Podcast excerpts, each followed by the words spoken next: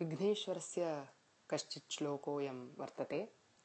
अगजाननपद्मार्कं गजाननमहर्निशम् अनेकदं तं भक्तानाम् एकदन्तमुपास्महे